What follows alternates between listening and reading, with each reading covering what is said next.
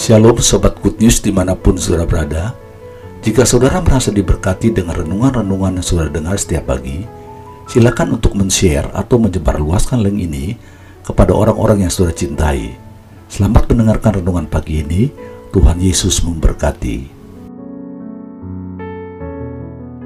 Shalom, selamat pagi sobat pendengar Good News Pagi hari firman Tuhan saya ambil dalam kitab Matius 8 ayat 5 sampai dengan 13. Tetapi pagi hari kita baca ayat 10 saja. Setelah Yesus mendengarkan hal itu heranlah ia dan berkata kepada mereka yang mengikutinya. Aku berkata kepadamu sesungguhnya iman sebesar ini tidak pernah aku jumpai pada seorang pun di antara orang Israel. Saudara, kalau saudara baca ayat dari 5 sampai 13 maka kita bisa melihat adalah kisah seorang perwira yang datang kepada Tuhan Yesus untuk memohon kesembuhan bawahannya. Saudara, seorang perwira yang luar biasa ini sampai Yesus harus memuji dia bahwa tidak ada orang satu orang pun di bangsa Israel yang memiliki iman seperti seorang perwira ini. Sekalipun perwira ini bukan seorang Yahudi, sekalipun perwira ini mungkin bukan orang yang mempercayai Yesus secara langsung, tetapi dia datang kepada Tuhan dan akhirnya dia bisa menerima mujizat. Saudara, apa yang dialami oleh perwira ini seharusnya juga bisa terjadi dalam kehidupan kita. Lalu bagaimana agar kita juga dapat memperoleh mujizat seperti perwira ini? Saudara baca dalam kisah ini ayat 5 sampai 8. Saudara bisa temukan di ayat ini bahwa sikap hatilah yang pertama yang dimiliki oleh perwira ini sehingga dia dapat memperoleh mujizat. Saudara tahu bahwa perwira ini memiliki kedudukan dan kuasa tetapi dia tidak sangat per, tetapi dia sangat peduli kepada bawahannya. Terbukti pada saat dia datang kepada Tuhan Yesus dan dia memohon kepada Tuhan Yesus untuk kesembuhan dari bawahannya. Jelas di sini dengan posisi yang cukup tinggi, dia datang hanya sekedar untuk bawahannya, untuk kesembuhan bawahannya. Dia datang kepada Yesus dan memohon kepadanya. Sikap hati yang benar dari perwira ini membuat dia akhirnya mendapatkan mujizat dari Tuhan. Perwira ini merendahkan hatinya untuk datang kepada Yesus.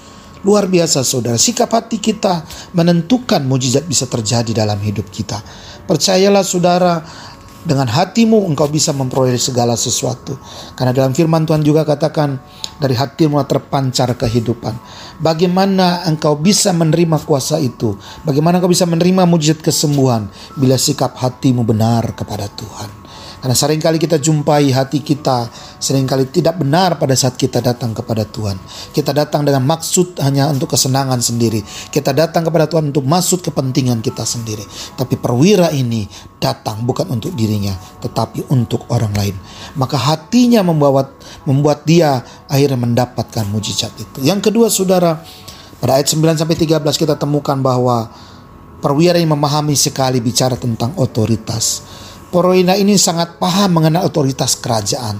Saudara saya percaya seorang perwira pasti tahu tentang bagaimana seorang perwira memahami aturan-aturan atau peraturan-peraturan dalam kerajaan. Dengan itu saudara bisa temukan di ayat-ayat di situ bagaimana dia katakan dia bisa perintah orang di bawahnya agar melakukan sesuatu maka yang di bawahnya akan melakukan. Begitu juga dia bila atasannya memerintahkan dia untuk lakukan sesuatu maka dia pun akan melakukannya. Perwira ini sangat paham tentang otoritas. Dan perwira ini pun memahami bahwa Yesus juga memiliki otoritas otoritas kuasa dalam ucapannya.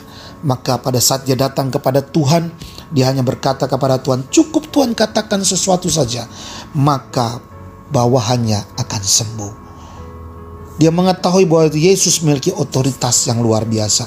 Maka Yesus hanya cukup mengatakan sesuatu saja, maka bawahannya pasti sembuh. Saudara, kalau saudara perhatikan bagaimana perwira ini begitu yakin karena saya juga percaya dia telah dengar dari beberapa orang tentang siapakah Yesus. Dan saya percaya karena dia mendengarkan itu, maka dengan yakin dia percaya bahwa Tuhan punya otoritas kuasa untuk menyembuhkan bawahannya. Saudara dalam aplikasi kehidupan kita hari ini, saya mau katakan kepada saudara, Tuhan Yesus mungkin tidak ada bersama-sama kita secara fisik, tetapi ada kebenaran firman Tuhan yang disediakan buat kita. Maka kuaris kuasa firman itu pun sama. Pada saat saudara-saudara mempercayai bahwa ada kuasa dalam kebenaran firman Tuhan, ada otoritas kuasa dalam kebenaran firman Tuhan yang saudara baca, maka ada mujizat di sana Pada saat saudara membaca firman Tuhan setiap hari, maka saudara akan melihat bagaimana kuasa dari firman itu akan menghidupkan imanmu. Dan sehingga pada saat engkau yakin dengan imanmu, maka mujizat pun akan terjadi di dalam kehidupanmu. Apa pun kebutuhanmu hari ini, melalui kebenaran firman Tuhan yang kita baca, melalui renungan firman Tuhan yang kita dengar, maka saudara akan menerima kuasa Tuhan. Kita akan berdoa saudara. Bapak di dalam surga terima kasih untuk kebenaran firman Tuhan hari ini. Kami mau iman kami menjadi hidup sama seperti perwira ini Tuhan. Sikap hatinya Tuhan yang tulus tanpa mementingkan kepentingannya sendiri sehingga dia bisa menerima kuasa mujizat Tuhan. Dan juga dia memahami tentang otoritas kuasa Tuhan. Dan kami pun Tuhan pada pagi hari ini kami pun mau percaya ada kuasa otoritas dalam kebenaran firman Tuhan yang akan membangkitkan iman kami sehingga kami bisa melihat mujizat Tuhan terjadi dalam hidup kami. Kami serahkan Tuhan firman Tuhan pagi ini ke dalam tanganmu.